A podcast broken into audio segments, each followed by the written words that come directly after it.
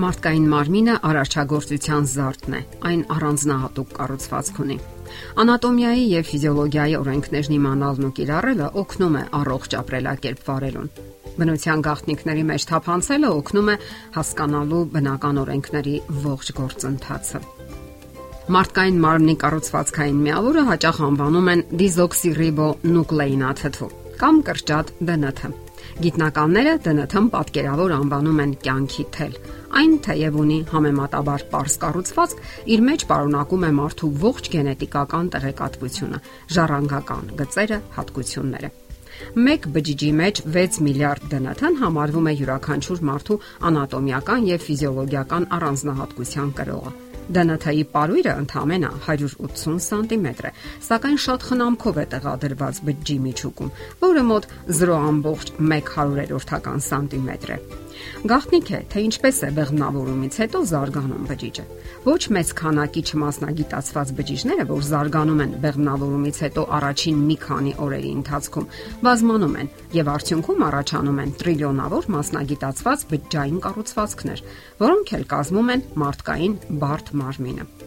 Պտղի զարգացման որոշակի բավականին վաղ շրջանում ԴՆԹ-ի մոլեկուլը յուրաքանչյուր բջիջում որոշում է, որ ահա այս բջիջը կսկսի ձևավորել սիրտը, մյուսը կսկսի ձևավորել ձեռքը, իսկ երրորդը դառնում է նյարդային բջիջ։ Ահա թե ինչու աշխարհում չկան երկու նույնանման մարդիկ, քանի որ յուրաքանչյուր մարդ ունի եզակի միայն իր համար բնորոշ ԴՆԹ-ի ծածկագիր, զարգացման իր սեփական սխեման։ ԴՆԹ-ն պատասխանատու է վերարտադրության ամենօրյա կենսառիթմի համար։ Հետաքրքիր է, որ հասուն մարդու մարմինը կազմված է 100 տրիլիոնավոր բջիջներից։ Ընդ որում, յուրաքանչյուր վայրկյան մահանում են միլիոնավոր բջիջներ եւ փոխարինվում նորերով։ Այսպես, աղիների պատերի հյուսվածքները ապրում են մոտ 1.5 օր, արյան սպիտակ գնդիկները մոտ 13, էրիթրոցիտները մինչև 120 օր։ Մարդու աճն ու զարգացումը, եզակի դիմագծերի ձևավորումը, բջիջների գործունեության կարգավորումը կատարվում է ԴՆԹ-ի շնորհիվ ապացուցված է, որ ԴՆԹ-ի մեջ ծրագրավորված է ոչ միայն ներընկերքային զարգացումը,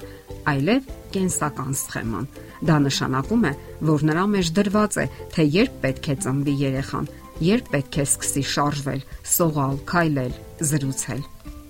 Ծրագրավորված է նաև, թե երբ պետք է սկսվի նրա սեռական հասունությունը, երբ պետք է աճի մորուքը կամ երբ պետք է ճաղատանանա, երբ կհայտնվի առաջին ճերմակը եւ քանի տարի կապրինա։ Շրջապատող միջավայրը կարող է ազդեցություն ունենալ առանձին պահերի վրա, սակայն յուրաքանչյուր մարդ իրականացնում է այն ժառանգական սցենարը,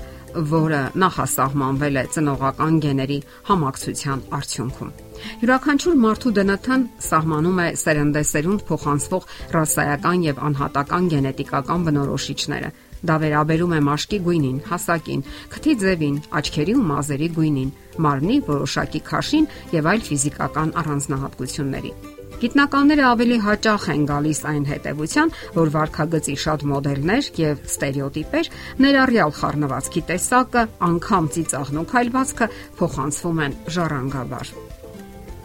Մարդիկ ժառանգաբար նախատրամադրվածություն են ունենում սիրտանոթային հիվանդության, շաքարախտի կամ այլ հիվանդության հանդեպ։ Հայտնի են մոտ 1800 գենետիկորեն պայմանավորված ախտաբանություններ։ Բջիջը համարվում է կյանքի առաջնային տարրը։ Բոլոր ֆիզիոլոգիական գործառույթները սահմանվում են բջջային մակարդակում, ֆերմենտների մասնակցությամբ։